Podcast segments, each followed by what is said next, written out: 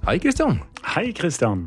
Du er i Historier som endret verden, så skal vi jo ha en eh, sommerspesial. Men hva er det som skjer i Historier som endret Norge-land? I Historier som endret Norge land, så skal vi bl.a. Uh, høre historien til Bislett stadion. Et nasjonalikon, i hvert fall for norsk idrett. Men er jo òg et landemerke i hovedstaden vår og har en sånn mytisk uh, legende rundt seg i idrettsverden.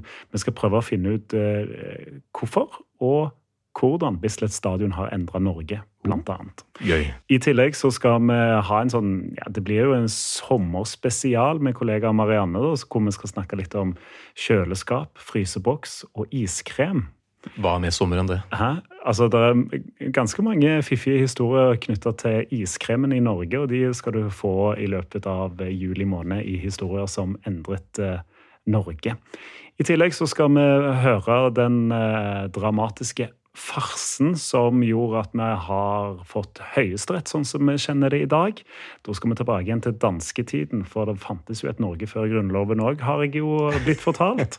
Og her blir jo mye av eh, premissene lagt for eh, Høyesterett, rett og slett. Og da er det eh, sex, intriger, politikk og eh, kongemakt som står på spill. Intet mindre. Sjur Furali kommer innom eh, og forteller litt om, om dette litt seinere i juli. I tillegg så skal vi lære litt mer om norsk svartmetall. Hvorfor har det blitt en del av vår norske kulturarv? Og så skal vi se om vi får fortalt historien om P.A. Jensens lesebok. fordi ivrigste lytterne vet at vi nevnte den eh, læreboken der eh, når vi hadde om salmeboken eh, tidligere i sommer.